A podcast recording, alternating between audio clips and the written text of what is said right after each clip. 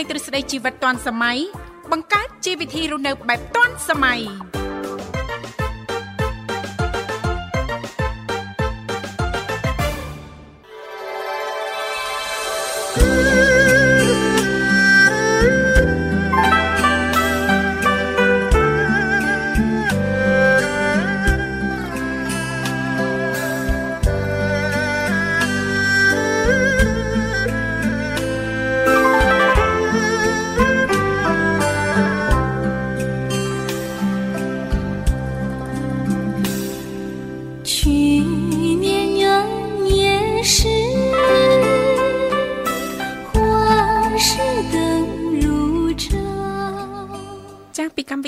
វិតឌុនសម័យនាងខ្ញុំធីវ៉ារួមជាមួយលោកវិសាលសូមអនុញ្ញាតលំអរកាយគ្រប់នឹងជម្រាបសួរលោកលស្រីនាងកញ្ញាប្រិយមិត្តស្ដាប់ទាំងអស់ជីទីមេត្រីចា៎ រីករាយណាស់នៅក្នុងកម្មវិធីជីវិតឌុនសម័យដែលមានការផ្សាយចេញពីស្ថានីយ៍វិទ្យុមិត្តភាពកម្ពុជាចិនដែលលោកអ្នកនាងកញ្ញាទាំងអស់ចាកំពុងតែបើកស្ដាប់តាមរយៈរលក ធាតុអាកាស FM 96.5 MHz ដែលផ្សាយចេញពីរាជធានីភ្នំពេញក៏ដូចជាការផ្សាយបន្តទៅកាន់ខេត្តសៀមរាបតាមរយៈរលក ធាតុអាកាស FM 105 MHz ចា៎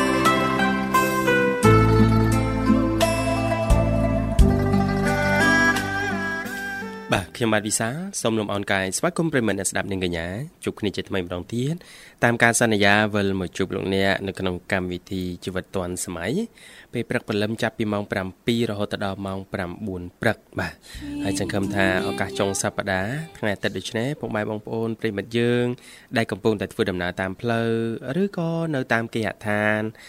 នៅកន្លែងរត់ទទួលទាននៅក្រៅកន្លែងបើកអាជីវកម្មផ្សេងៗហ្នឹងបាទក៏នឹងទទួលបានអារម្មណ៍ស្រស់ស្រាយដែរបាទឲ្យលោកអ្នកអាចនឹងបន្តបើកស្ដាប់កម្មវិធីយើងខ្ញុំ ចាប់ពីម៉ោងនេះរហូតដល់ម៉ោង9ព្រឹកបាទ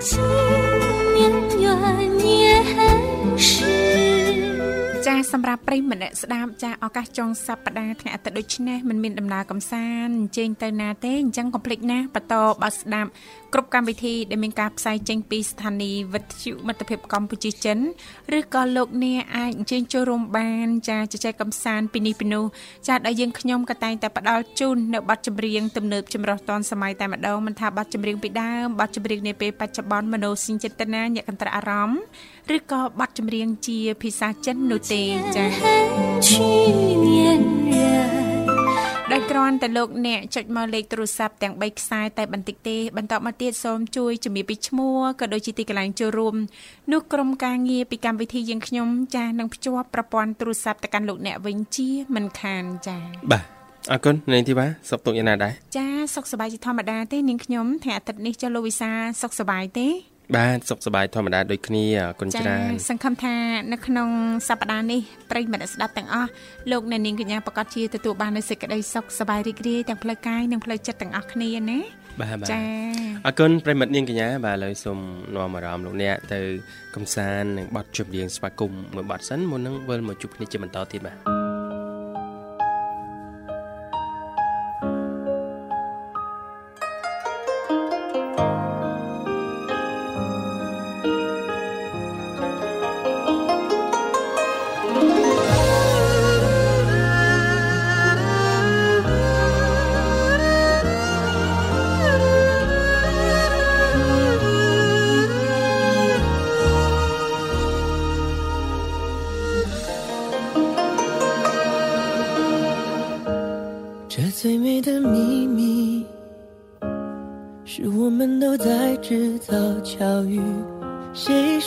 复，只是一种远方的消息。思念持续着浓郁，梦甘甜下去，誓言继续，陪你累积所有回忆。暖手的是热茶，暖心的是你一句话，许给你一个家，再围上我的牵挂。这故事开始，一个人，我认真写着我们这段缘分。没有人转身，你也开始修改剧本，假装我的戏份，初心单纯，给了你的吻。这一生原本一个人，你坚持厮守着我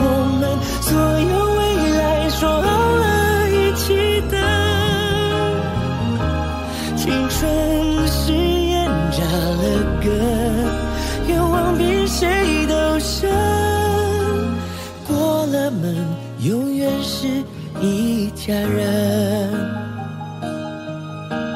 耶这最美的秘密，是我们都在制造教育。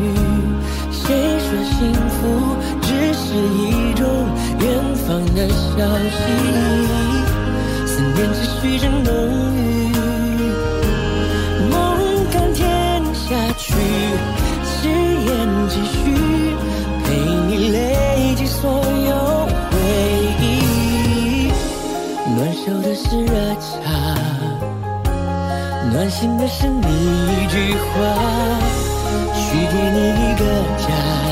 再围上我的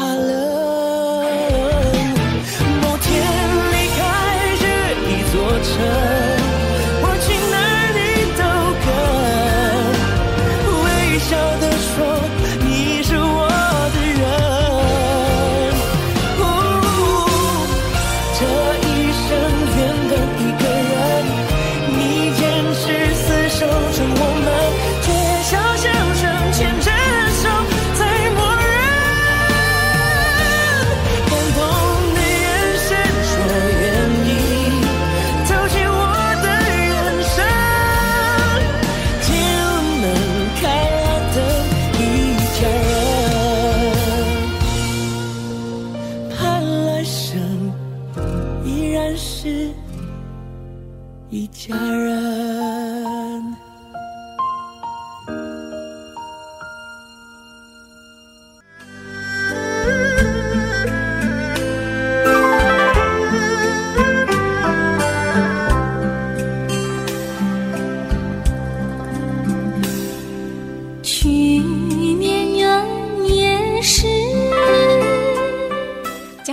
សសូមស្វាគមន៍សាជាថ្មីមកកាន់កម្មវិធីជីវិតឌွန်សម័យដែលលោកអ្នកនាងកញ្ញាចាសកំពុងតែជួបជាមួយនឹងវត្តមាននេះខ្ញុំធីវ៉ារួមជាមួយលោកវិសាជាអ្នកសម្របសម្រួលនៅក្នុងកម្មវិធី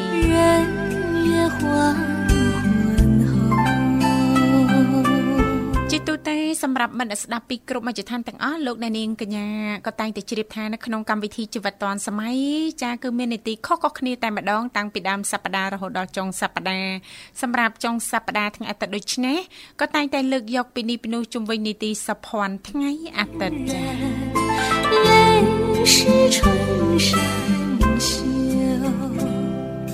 បាទសុភ័ណ្ឌថ្ងៃអាទិត្យចាសភ័នថ្ងៃអាទិត្យចាក៏តែងតែចែករំលែកចាអំពី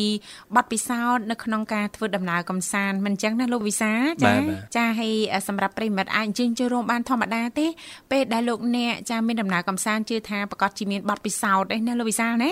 ចាអគួរតែត្រៀមលក្ខណៈបែបណាខ្លះចាមុននឹងរៀបចំដំណើរកំសាន្តរបស់យើងកុំឲ្យមានការខ្វះខាតខ្វះនេះខ្វះនោះណាចា អរគុណច្រើននាងកញ្ញាមិត្តស្ដាប់ជីទីមេត្រីលោកវិសាមុននឹងផ្ដល់ឱកាសជូនសម្រាប់ប្រិយមិត្តស្ដាប់ចាចូលរួមចែករំលែកអំពីបទពិសោធន៍នៃដំណើរកំសាន្តចាពីកម្មវិធីចាវគ្គនេះនាងខ្ញុំសូមអនុញ្ញាតលើកយកនៅតំបន់ទេសចរមួយកន្លែងណាលោកវិសាគឺស្ថិតនៅខាងខេត្តសៀមរាបញាក់ណាកន្លែងថ្មីនៅខេត្តសៀមរាបគឺមានផ្លូវកាច់កោងស្រស់ត្រកាលថតរូបបែបធម្មជាតិស្អាតខ្លាំងមែនតែនចាចង់ដឹងថាស្ថិតនៅទឹកដីខេត្តសៀមរាបនឹងនៅតំបន់ណាមួយដែរចាដែលគេថាញាក់ហ្នឹងចាលោកសាចាញាក់ញាក់យ៉ាងម៉េចចាឥឡូវនាងខ្ញុំសូមលំអិតជូនតែម្ដងបាទបាទបាទបាទចានិយាយពីតំបន់កំសាន្តមួយ ចាស្ថិតនៅខាងខេត្តសៀមរាបចា គេហៅថាស្ពានពោះអូមានជ័យចាដែលឮទេស្ពានពោះអូមអូមានជ័យអូអូមានជ័យស្មាអូ my god ចាស្ពានពោះអូមានជ័យហ្នឹងគឺស្អាតណាស់លោកវិសាស្ថិតនៅក្នុងភូមិអូមានជ័យឃុំស្វាយលើស្រុកស្វាយលើខេត្តសៀមរាបចាស្ពានពោះអូមានជ័យគឺជាកន្លែងកំសាន្តធម្មជាតិមួយ ដែលមានបរិយាកាសស្ងប់ស្ងាត់ស្រស់ស្រាយនិងប្លែកអារម្មណ៍អមដោយព្រៃព្រឹក្សាព័ទ្ធជុំវិញពណ៌បៃតង ចានឹងស្ពានវែងអូសកាត់ កោងនៅលើវាលស្រែដោយលាតសន្ធឹងល្វឹងល្វើយជាទីមនោរម្យតែម្ដងណាលោកវិសាឱកាសចុងសប្តាហ៍អាចអញ្ជើញទៅកំសាន្តបាននៅស្ពានពុះអូមានជ័យហ្នឹងណាចាមិនតែប៉ុណ្ណោះទេទីតាំងដ៏ស្រស់ត្រកាលខាងលើនេះគឺឆ្នៃឡើងដោយមានប្លង់ថតរូបស្អាតស្អាតជាច្រើនសាកសមតែម្ដង សម្រាប់អ្នកដែលចូលចិត្តថតរូបបែបគូស្នេហ៍មិត្តភ័ក្តិក្រុមគ្រួសារឬក៏ចាអាចទៅថត pre wedding នៅទីនោះបានណាលោកវិសាខណៈដែលចាទីស្ថានលំហែមួយនេះគឺចាទៅតែរចនាឡើងរួចរាល់ថ្មីថ្មីនេះហើយអ្វីដែលសំខាន់ហ្នឹងពុំសូវមានអ្នកបានស្គាល់ឡើយអញ្ចឹងណាលោកវិសាបាទចាអញ្ចឹងទេសម្រាប់ភ្ញៀវទេសចរចាអាចអញ្ជើញទៅខាងស្ពានបុះអូមានជ័យបាន ចា ការរៀប ចំចាអឺទីធ្លាអីហ្នឹងគឺវាលល្វឹងតែម្ដងណាលោកវិសា ចាហើយយើងអាចទៅថតចាជាលក្ខណៈក្រុមគ្រួសារក៏បាន ចាឬក៏ pre wedding នៅទីនោះក៏បានដែរណាលោកវិសាចាហើយបើយើងធ្វើដំណើរទៅគេថាជិះ ចាស់ពីប្រាសាទបឹងមីលីលោកវិសាស្គាល់ទេចាជិះពីប្រាសាទបឹងមីលីប្រហែលត្រឹមតែ5គីឡូម៉ែត្រប៉ុណ្ណោះចាដោយនៅខាងឆ្វេងដៃហ្នឹងគឺមានខ្លោងទ្វារសាលាបឋមសិក្សាអូមានជ័យចាអញ្ចឹងយើងជិះចូលតាមខ្លោងទ្វារសាលាហ្នឹងជិះទៅត្រង់ទៅ ចាទៅដល់ជើងភ្នំតែម្ដងចានឹងឃើញហើយស្ពានពោះអូមានជ័យចាបាទអូប្រាប់មកច្បាស់ហើយច្បាស់ប្លង់ហើយនាងធីវ៉ាច្បាស់ច្បាស់មែនតើហ្មងច្បាស់បើមាន Google Map ជួយផ្សាយឲ្យមួយទៀតផងណាច្បាស់តែម្ដងចាអត់ដែរទៅសោះអត់ដែរទៅសោះណាសៀមរាបអីដែរទៅទេ ចាសៀមរាបសៀមរាបធ្លាប់ទៅ ទៅញឹកណាស់គ្រាន់ថាចាតំបន់កំសាន្តស្ពានពោះអូមានជ័យនេះអត់ដែលទៅហើយជាពិសេសហ្នឹងគេទៅតែរចនាបថថ្មីស្អាតណាលូវីសាចាទៅធ្វើឲ្យថ្មីថ្មីអញ្ចឹងមិនតាន់ទេណាចាហើយសម្រាប់ភ្ញៀវទេសចរភិកច្រើនហ្នឹងក៏មិនសូវជាបានស្គាល់ប្រហែលដែរណាលូវីសាបាទចាអញ្ចឹងសង្ឃឹមថាតិចទៀតនេះចាស្ពានពោះអូមានជ័យនឹងមានភ្ញៀវគ្រប់ត្រច្រើនណាលូវីសាព្រោះថាតំបន់ទេសចរក្នុងស្រុកយើង ចាបើភ្ញៀវទេសចរជាតិយើង ចានាំគ្នាគ្រប់ត្រទាំងអស់គ្នាអញ្ចឹងវាជួយ ចាសម្រួលដល់ជីវភាពបងប្អូនរស់នៅតំបន់នោះដែរណោះចាអរគុណនាងកញ្ញាមនស្ដាប់ជីទីមេត្រីឥឡូវនេះពីកម្មវិធីសំផ្លាប់បដោប្រយាកររៀបចំជូននៅប័ណ្ណចម្រៀងមួយប័ណ្ណទៀតដូចតទៅ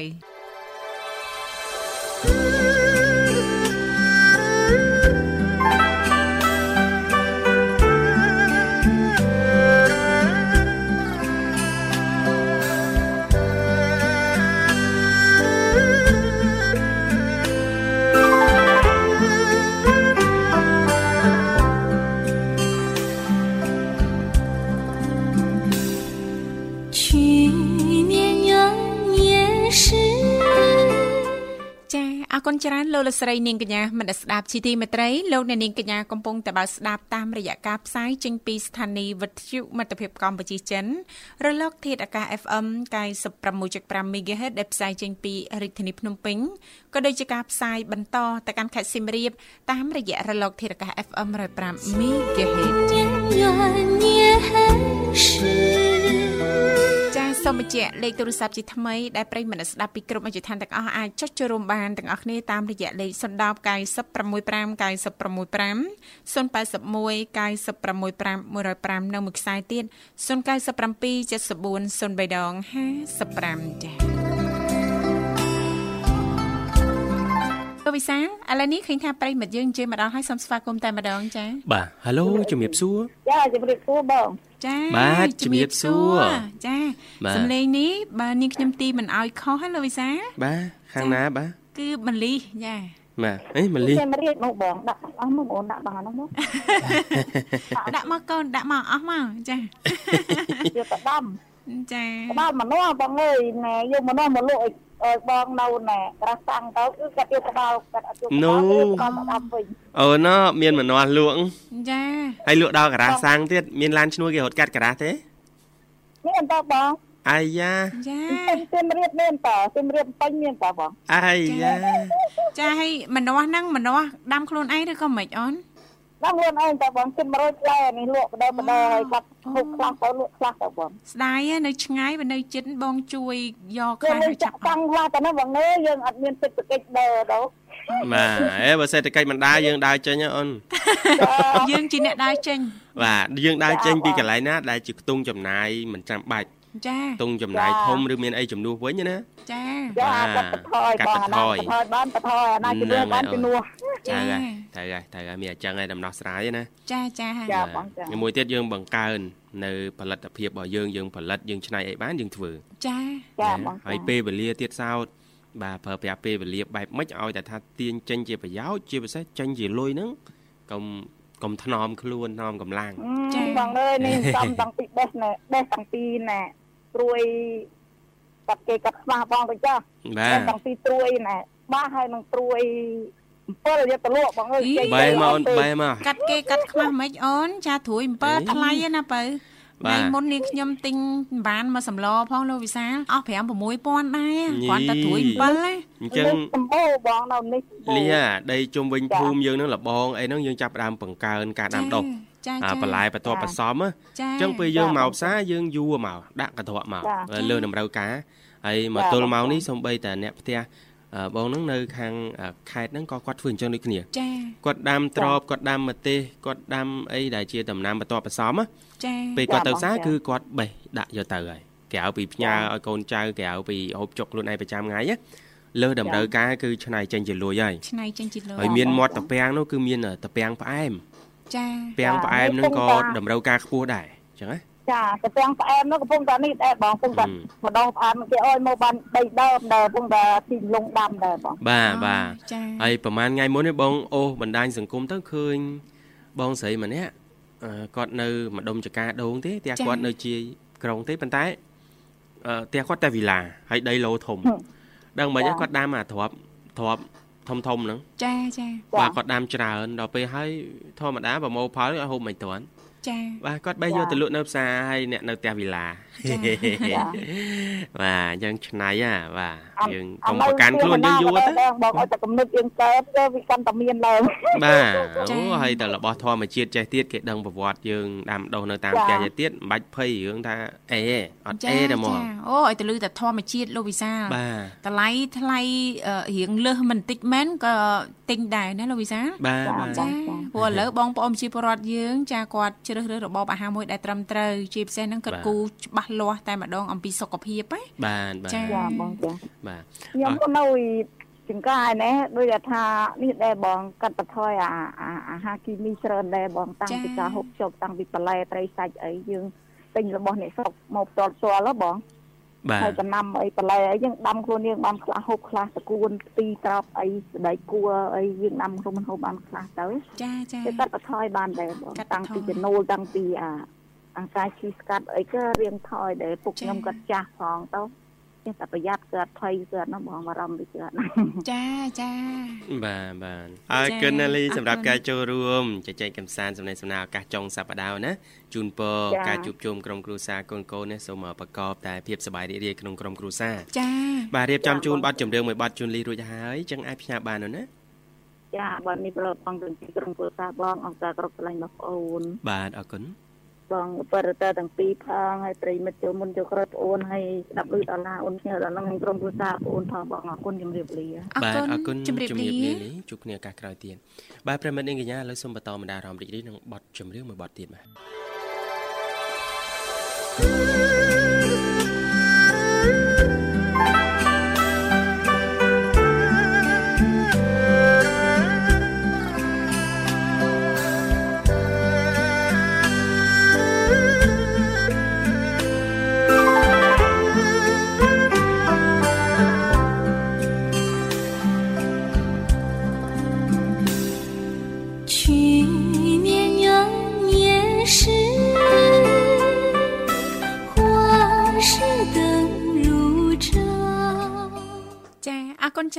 អ្នកនាងកញ្ញាមិនស្ដាប់ជីទីមេត្រីលោកអ្នកនាងកញ្ញាទាំងអស់កំពុងតែបើកស្ដាប់តាមរយៈការផ្សាយចេញពីស្ថានីយ៍វិទ្យុមិត្តភាពកម្ពុជាចិនរលក ធាតុអាកាស FM 96.5 MHz ដែលផ្សាយចេញពីរាជធានីភ្នំពេញក៏ដូចជាការផ្សាយបន្តទៅកាន់ខេត្តសៀមរាបតាមរយៈរលក ធាតុអាកាស FM 105 MHz ចា សម្រាប់ឱកាសចុងសប្តាហ៍នេះលោកអ្នកនាងកញ្ញាមិនមានដំណើរកំសាន្តអញ្ចឹងទេកុំភ្លេចណាអាចបើកស្ដាប់ក៏ដូចជាចុចចូលរួមបាននៅក្នុងកម្មវិធីយើងខ្ញុំទាំងអស់គ្នាអ្វីដែលសំខាន់ចាគឺលោកអ្នកចំណាយតែប្រហែលសេនដបងតែប៉ុណ្ណោះបន្តមកទៀតចាក្រុមការងារពីកម្មវិធីយើងខ្ញុំនឹងតាក់ទងទៅកាន់លោកអ្នកវិញជាមិនខានចា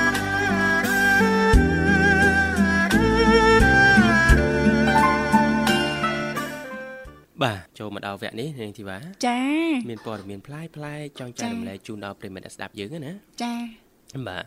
ពីតំបន់ទេសចរថ្មីមួយកន្លែងចាថ្មីទៀតហើយថ្មីបាទគេមិនសូវមើលរំលងទេតែថ្មីគេមិនសូវមើលរំលងទេបាទចាមិនមើលរំលងបានតែចាស់ចាស់ក៏មិនចាបាទ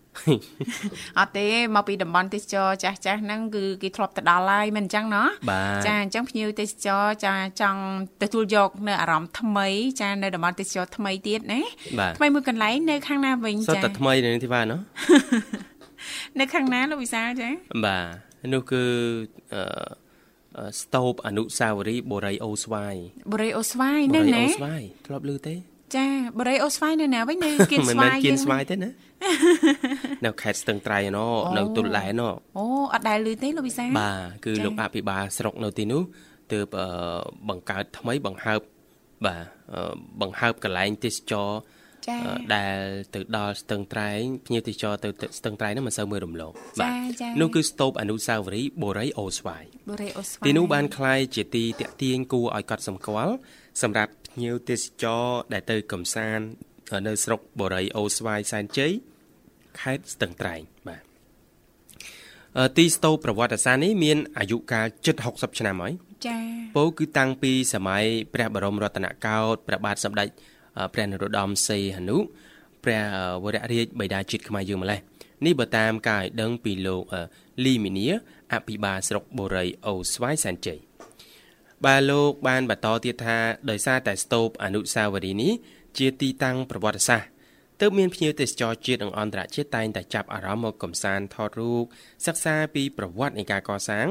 រីឯអ្នកខ្លះក៏មកបន់ស្រន់ព្រោះមានរៀនព្រះភូមិនៅចិត្តដើមពោដ៏ធំមួយដើមដែលនៅក្បែរនោះពិសេសគឺពេលភ្ញៀវទេសចរឆ្លងកាត់ទៅលេងកំសាន្តតាមកោះនានាណា តាមរយៈសហគមន៍អេកូទេសចរនៅបរិយាអូស្វាយនេះអញ្ចឹងគាត់មកដល់កន្លែងហ្នឹងគឺអ្នកភូមិឬក៏មគ្គទេសចរគាត់ណែនាំកន្លែងហ្នឹងឲ្យចា៎បាទលោកអភិបាលស្រុកដដែលរូនេះបានបន្ថែមទៀតថាស្ទូបអនុសាវរីយ៍បរិយាអូស្វាយនេះត្រូវបានសាងសង់ឡើង នៅឆ្នាំ1963ដល់ឆ្នាំ1967ក្រោមស្នាព្រះហស្ថព្រះបរមរតនកោដ្ឋក្នុងព្រះរាជបំណងការពារបូរណភាពទឹកដី នាភាគខាងជើងជាប់នឹងប្រទេសឡាវ ក្នុងនោះមាន4មុខបាទគឺបែរមុខទៅកាន់ទិសធំធំទាំង4រំលេចនៅព្រះឆាយាល័ក្ខណ៍ក្នុងវេលាដែលព្រះអង្គឡើងគ្រងព្រះបរមសារីរាជសម្បត្តិលើកទី1ព្រះរាជសកម្មភាពនៃការបំពេញព្រះរាជបូជនីយកិច្ចកសាងហេដ្ឋារចនាសម្ព័ន្ធនៅបូរីអូស្វាយនេះស្រាប់ព្រះរាជសកម្មភាពកីឡាអីជាដើមបាទ លោកអភិបាលស្រុកទើបបង្កើតថ្មីមួយនេះបានបន្តទៀតថាមានស្រុកទើបតែបង្កើតថ្មីនេះទីបាទចាចាបាទក្នុងពេលនោះព្រះបរមរតនកោដ្ឋមានគោលនយោបាយបែងចែកដីធ្លីជូនប្រជាពលរដ្ឋដែលស្ម័គ្រចិត្តមករស់នៅតំបន់នោះនឹងបានបង្កើតជាតំបន់និគមជន ឬទីប្រជុំជនធំមួយហៅថាបូរីអូស្វាយនេះឯងក្នុងនោះព្រះអង្គបានរៀបចំកសាងប្រព័ន្ធហេដ្ឋារចនាសម្ព័ន្ធ ពិសេសគឺបានបង្កើតជាសួនច្បារនិងស្ទូបអនុស្សាវរីយ៍នេះផងដែរបាទចា៎ប្រជាជននិងភ្ញៀវទេសចរពិតជាមានការចាប់អារម្មណ៍ច្រើនចំពោះស្ទូបអនុស្សាវរីយ៍បូរីអូស្វាយនេះលោកបានបញ្ជាក់បន្ថែមបាទហើយសូមជំរាបជូនដែរថាស្រុកបូរី អូស្វាយសែនជ័យជាស្រុកដែលទើបបង្កើតថ្មីកាលពីនៅក្នុងឆ្នាំ2022ដោយបំបែកចេញពីស្រុកថាឡាបរវត្តនៃខេត្តស្ទឹងត្រែងនិយាយថាឡាបរវត្តដឹងវិញណាថាឡាបរវត្តចា៎បាទដែលមានព្រំប្រទល់ជាប់ជាមួយនឹងប្រទេសឡាវគឺខេត្តចម្ប៉ាសាក់នោះឯងចា៎ប្រមាណជិត100គីឡូម៉ែត្រចាប់ពីបង្គោលព្រំដែនលេខ109ដល់លេខ137ពលគឺចាប់ពីស្រុកឆែបខេត្តព្រះវិហារនឹង រហូតទៅដល់ស្រុកសៀមប៉ាងខេត្តរតនគិរីបាទចាអរគុណច្រើនចាស្គាល់តំបន់កំសាន្តថ្មីមួយទៀតស្ថិតនៅខាងខេត្តស្ទឹងត្រែងណាបាទបាទចាអរគុណឥឡូវនេះសូមផ្លាស់ប្ដូរប្រយាកររៀបចំជូននៅប័ណ្ណចម្រៀងមួយប័ណ្ណទៀតដូចតទៅ thank you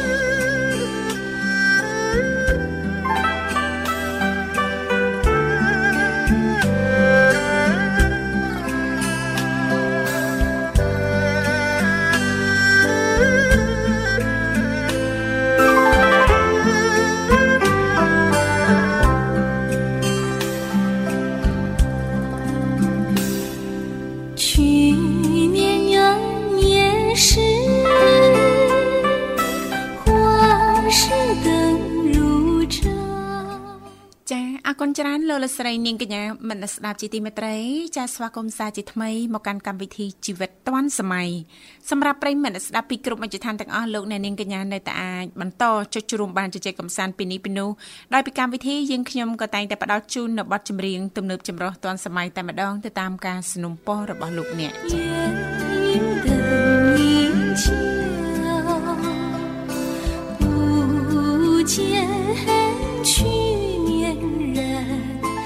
លោកវិសាធ្លាប់បានទៅលេង ចាទឹកដីខេត្តសៀមរាបទេសៀមចាអូទៅតាធ្លាប់ទៅណោះប្រហែលដងដែរហើយធ្លាប់អេចូល5 6ដងហើយចាញឹកណាធ្លាប់ទៅដំបងចាអាយុប្រហែលដែរទៅដបងហ៎ចាកាលហ្នឹងដូចជាទៅពេញកន្លោះហើយឡើងមកពេញដបងដបងហេថាដូច ទៅពេញកន្លោះពេលឡើងមកពេញដូចវាអត់តន់ត្រូវអត់តន់ត្រូវចាយើងកំឡោះដូចតាំងនៅស្រុកឯណោះកាលនឹងទៅតែឡើងមកភ្នំពេញថ្មីថ្មោងណាអូអញ្ចឹងហ៎បាទបាទចាធ្លាប់ទៅលេងសៀមរាបចាចាទៅលេងធ្លាប់ទៅលេងសៀមរាបហ្នឹងមានដឹងចាអំពី ចាអកំបាំងនៃចម្រឹងបង្អួចប្រាសាទអង្គរវត្តទេអូហេអន់ អត់ដែលដឹងទេអត់ដែលដឹងសោះតែធីវ៉ាអើយនាងខ្ញុំក៏មិនធ្លាប់ដឹងដែរតែមិនដឹងមុនហ្នឹងនេះចាអញ្ចឹងចែកម្លែកតិចមើលបាទចាយ៉ាងម៉េចដែរចាតកតងទៅនឹងចាចម្រឹងបង្អួចប្រាសាទចា គឺមានបង្កប់នៅអាកំបាំងពិសេសណា បាទចាឥឡូវសូមលំអិតជូនប្រិយមិត្តស្ដាប់តែម្ដងណាលោកវិសាលណាបាទបាទចាប្រាសាទអង្គរវត្តគឺជាប្រាង្គប្រាសាទខ្មែរចាដ៏មានគេឈ្មោះល្បីល្បាញទូទាំងសកលលោកអ្នកណាអ្នកណាក៏ស្គាល់ដែរអង្គរវត្តខេត្តសៀមរាបណាដែលបុព្វបុរសខ្មែរយើង បានកសាង ជាគេដំណើរដល់ប្រជាពលរដ្ឋកម្ពុជាចាមិនតែប៉ុណ្ណោះវត្តមានចារបស់ប្រាង្គប្រាសាទអង្គរវត្តបានធ្វើឲ្យតាក់ទាញភ្ញៀវអន្តរជាតិ ចាហើយអ្នកប្រាជ្ញស្ថាបត្យករវិស្វករនានាចាក៏ចាចូលរួមចាមកទស្សនាចានិយាយទៅទូទាំងសកលលោកពីគ្រប់មជ្ឈដ្ឋានទាំងអស់តែម្ដង ដើម្បីសិក្សាស្វែងយល់អំពីរចនាបថស្ថាបត្យកម្មប្រវត្តិនៃការកកើតក៏ដូចជាធាតុបង្គំនៃតួប្រាសាទផងដែរណាលោកវិសាបាទបាទអឺជាក់ស្ដែងចាកន្លងមកចាមានប្រិមិត្តយើងមួយចំនួនក៏បានដឹងនឹងមួយចំនួនទៀតនឹងពុំបានដឹងឡើយអំពីអច្ឆរិយៈភាពមួយចាអំពីប្រាង្គប្រាសាទអង្គរវត្តរបស់ខ្មែរយើង ដែលធ្វើឲ្យគ្រប់គ្នាលន់មាត់កោតសរសើរចាដូនតាខ្មែរចំនួនដើមដែលជាអ្នកស្ថាបនិកប្រាង្គប្រាសាទគឺមានគំនិតច្នៃប្រឌិតខ្ពស់មែនតើនឹងមានការគិតគ្រប់ជ្រុងជ្រោយគ្មានចន្លោះកន្លែងណាឡើយដើម្បីអឺចង់និយាយថាសំបីតែចំណុចតូចមួយហ្នឹងក៏ចាស់មិនឲ្យរំលងណាលោកវិសាបាទបាទ ជាការប៉ັດណាលក្ខណៈពិសេសនិងអស្ចារ្យគួរឲ្យភ្ញាក់ផ្អើលដែលដូនតាបានបន្សល់ទុកនោះគឺតាមរយៈស្រមោលនៃចម្រឹងបង្អួចរបស់ប្រាសាទអង្គរវត្តខ្មែរយើងតែម្ដងណាលោកវិសាចាដែលយើងគ្រប់គ្នាសឹងតែមិននឹកស្មានសោះថាបុព្វបុរសខ្មែរយើងអាចគិតបានដិតដល់ខ្លាំងបែបនេះណាពេលខ្លះយើងទៅលេងក៏យើងមិនបានទៅចាប់អារម្មណ៍ដែរមិនអញ្ចឹងណាលោកវិសាណោះតកតងទៅនឹងចម្រឹងបង្អួចទេណាចាឲ្យបើយើងពិនិត្យមើលឲ្យមែនតែនទៅ ចាយើងនឹងបានឃើញសមោលជាប្រាសាទកំពូល3និងកំពូល5របស់តួប្រាសាទតែម្ដង ដែលជះចេញពីចម្រឹងបង្អួចនៃប្រាសាទអង្គរវត្តយ៉ាងច្បាស់នឹងភ្នែកចា៎បាទ ចាជឿថាប្រិមិត្តយើងមួយចំនួន ចាប្រកាសជាធ្លាប់បានទៅថតរូបនៅកន្លែងប្អួយនិងចម្រឹងប្អួយហ្នឹងប៉ុន្តែពេលខ្លះអត់បានចាប់អារម្មណ៍ទៀតណាលោកវិសាចាភាពអស្ចារ្យនេះគឺជាគំនិតច្នៃប្រឌិតដ៏ខ្ពស់ល្អអស្ចារ្យរបស់ដូនតាខ្មែរយើង ដែលបានបន្សល់ទុកឲ្យកូនចៅចំនួនក្រោយ ចាដូនតា បានបន្សល់ទុកឲ្យណាលោកវិសារហូតមកដល់បច្ចុប្បន្ននេះហើយចំពោះចំណុចដែលរឹតតែល្អឯក និងពិសេសថែមទៀតនោះគឺសមោលនៃចម្រឹងបង្អួយដែលយើងឃើញ បានបង្ហាញយ៉ាងច្បាស់អំពីកពូលប្រាសាទឆ្លាស់គ្នាណាលោកវិសាលដែលមានសន្តានដូចតួប្រាសាទធំយ៉ាងប៉និតនិងពោពេញទៅដោយក្បូរក្បាច់រចនាដ៏ល្អឥតខ្ចោះចានេះគឺពិតជាអច្ឆរិយភាពចាដែលគួរឲ្យស្ងប់ស្ងាយមួយ ដែលមនុស្សធម្មតា ចាយើងពេលខ្លះហ្នឹងយើងមិនចាប់អារម្មណ៍នឹងនឹកស្មានធ្វើអញ្ចឹងដល់ណាលោកវិសា ដែលសំបីតែចម្រឹងបអួយហ្នឹងក៏មានប្រកបនៅអាកំបាំងនិងលក្ខណៈវិសេសវិសាលមិនអាចកាត់ថ្លៃបានណាចានេះខ្ញុំធ្លាប់ទៅថតដែរចាចម្រឹងបង្អួយនៅអង្គរវត្តហ្នឹងលោកវិសាធ្លាប់ទៅដែរចាធ្លាប់ទៅហើយដល់បានថតទៀតមានរូបថតទៀតគ្រាន់ថាអត់បានចាប់អារម្មណ៍ចាមើលសមោលចម្រឹងបអួយទេណាឃើញកំពូលប្រាសាទចា3ហើយនិង5ចាឆ្លាស់គ្នា ចាអេ ចាតសើតសើអ្នកចាប់អារម្មណ៍ទៀតលូវីសាបកែបកែចាប់អារម្មណ៍បកែសង្កេតណាបាទចាពិតជាអស្ចារ្យមែនតែនណាចឹងមិនថាអច្ឆរិយៈបាទភាពអច្ឆរិយៈលេចឡើងជាបន្តបន្ទាប់ណាចាហើយយើងមិនដឹងទៀតថាតើនឹងមានភាពអច្ឆរិយៈអីខ្លះទៀតដែលបុព្វបុរសខ្មែរដូនតាយើងនេះបានបង្កប់នៅក្នុងសំណង់នៃប្រាសាទអង្គរវត្តក៏ដូចជាសំណង់ប្រាសាទផ្សេងផ្សេងទៀតដែលមានសពថ្ងៃពីព្រោះ ពីមួយឆ្នាំទៅមួយឆ្នាំហ្នឹងគឺមានការស្រាវជ្រាវរកឃើញជាថ្មីថ្មីជាបន្តបន្ទាប់នាងធីវ៉ាចាចាដូចជាគេ scan ពីលើអាកាសដោយបច្ចេកវិទ្យា LiDAR អីជាដើមណាឃើញបរិវេណអង្គរតូចយូរហ្នឹងគឺមិនមែនតែប៉ុណ្្នឹងទេគឺលាតសន្ធឹងរាប់រយហិកតានោះនឹងទីបាទអញ្ចឹងគឺធំមែនតែនចំនួនហ្នឹងណាចាបាទអរគុណច្រើនពេលមិត្តនាងកញ្ញាជំរាបជូនតែតែប៉ុណ្្នឹងចាប់ហើយនឹងទីបាទឥឡូវសូមផ្លាប់ដងបៃអាកាសបន្តរៀបចំជូននៅប័ណ្ណចម្រៀងមួយប័ណ្ណទៀត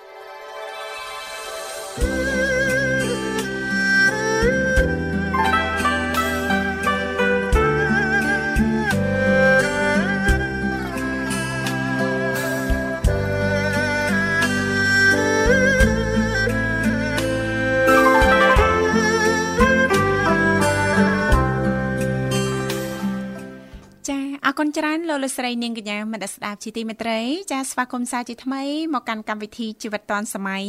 សម្រាប់លោកអ្នកឱកាសចុងសប្ដាហ៍មិនមានដំណើរកំសាន្តអញ្ចឹងកុំភ្លេចណាអាចអញ្ជើញចូលរួមឬក៏បន្តបើកស្ដាប់បាន តាមរយៈការផ្សាយចេញពីស្ថានីយ៍វិទ្យុមិត្តភាពកម្ពុជាចិនរលក ធាតុអាកាស FM 96.5 MHz ដែលផ្សាយចេញពីរាជធានីភ្នំពេញក៏ដូចជាការផ្សាយបន្តទៅកាន់ខេត្តសៀមរាបតាមរយៈរលកធាតុអាកាស FM 105 MHz 是。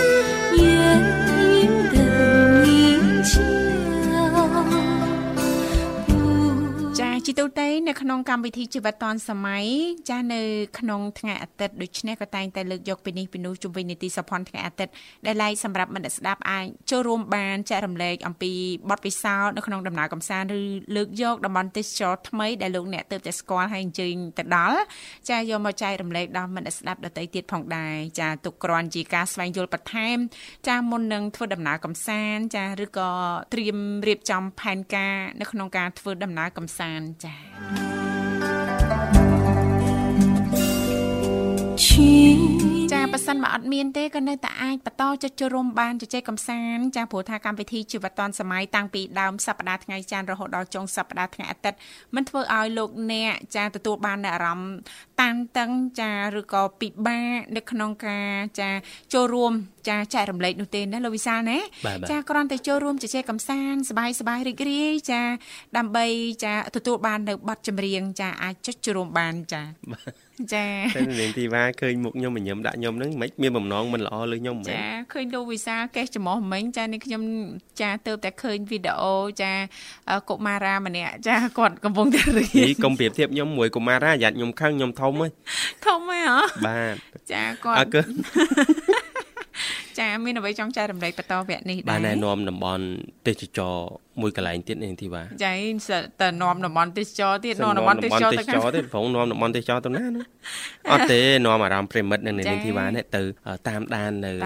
ទីតាំងកន្លែងរីសតកន្លែងកំសាន្តមួយកន្លែងចាចាដែលលក្ខណៈពិសេសនោះទីនោះពីមុនគឺកន្លែងប្រមូលផលនេសាទអូ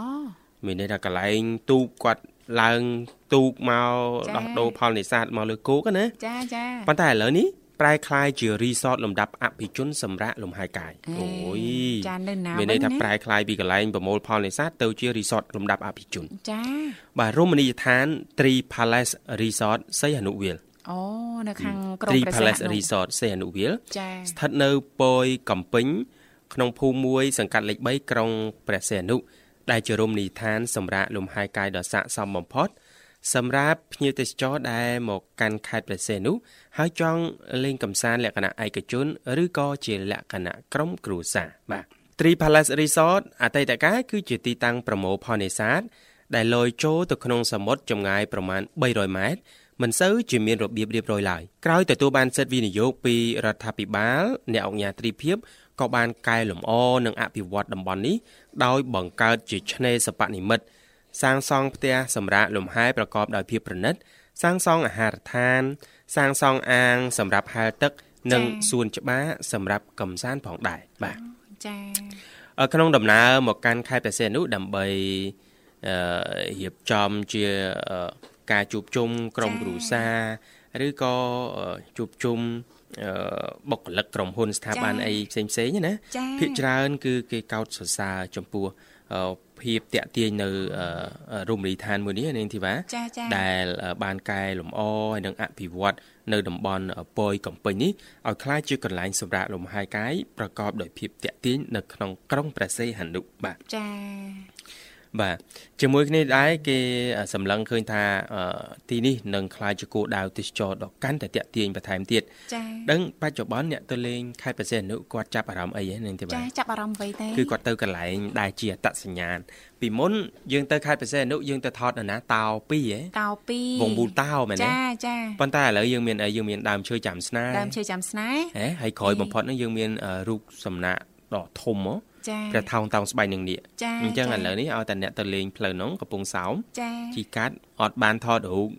ជាមួយនឹងរូបសំណាករបស់ព្រះថោងតោងស្បែកនឹងនេះដោយអត់បានទៅលេងខេត្តផ្សេងនោះយ៉ាងឬក៏ថាទៅឲ្យភ្លេចប្រាប់គេគេអត់ជឿជឿទៀតមានរូបនឹងមកប៉ោះពីប៉ោះ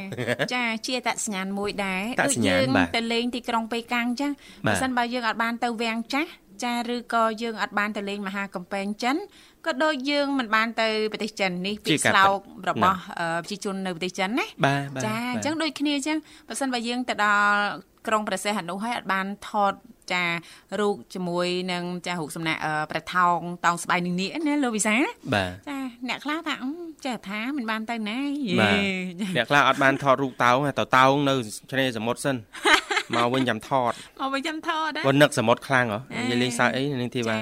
នឹកឯនឹកឆ្នេរ ចានឹកដែរឆ្នេរសមុទ្រខេត្តពិសេសនោះចាចានឹកនឹកនឹកខាន់ទៅយូរហើយខាន់ទៅយូរដូចជាងកន្លះឆ្នាំហើយអូអត់អីនៅមួយឆ្នាំជាងទៀតអញ្ចឹងអរគុណនាងកញ្ញាមនស្ដាប់ជីទីមេត្រីឥឡូវនេះពីកម្មវិធីសូមផ្លាប់បដោបរិយាកាសរៀបចំជូននៅប័ណ្ណចម្រៀងមួយប័ណ្ណទៀតដូចតទៅ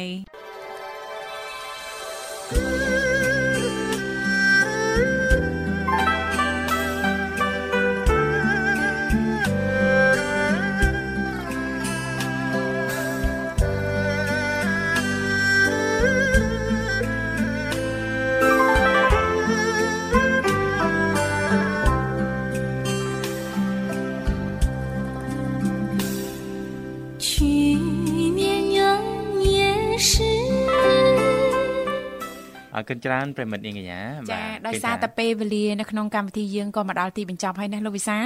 អញ្ចឹងទេឱកាសនេះយើងខ្ញុំទាំងពីរនាក់ក៏សូមជូនពរលោកលោកស្រីនាងកញ្ញារត់ដំណើរកំសាន្តមិនថាអញ្ជើញទៅទីជិតឬក៏ទីឆ្ងាយទេសូមប្រកបដោយសេចក្តីសុខនិងសុវត្ថិភាពទាំងទៅនឹងមកទាំងអស់គ្នាណាលោកវិសាក៏សូមថ្លែងអំណរអគុណយ៉ាងជ្រាលជ្រៅតែម្ដងចំពោះពុកម៉ែបងប្អូនលោកលោកស្រីនាងកញ្ញាដែលចំណាយពេលវេលាបានស្ដាប់ការផ្សាយចេញពីស្ថានីយ៍វិទ្យុមិត្តភាពកម្ពុជាចិនបាទអរគុណច្រើនវិលមកជួបគ្នាថ្ងៃស្អែកបន្តទៀតតាមពេលវេលាម៉ោងដដែលបាទគណៈនេះខ្ញុំបាទវិសានាងខ្ញុំធីវ៉ាសូមអរគុណសូមជម្រាបលា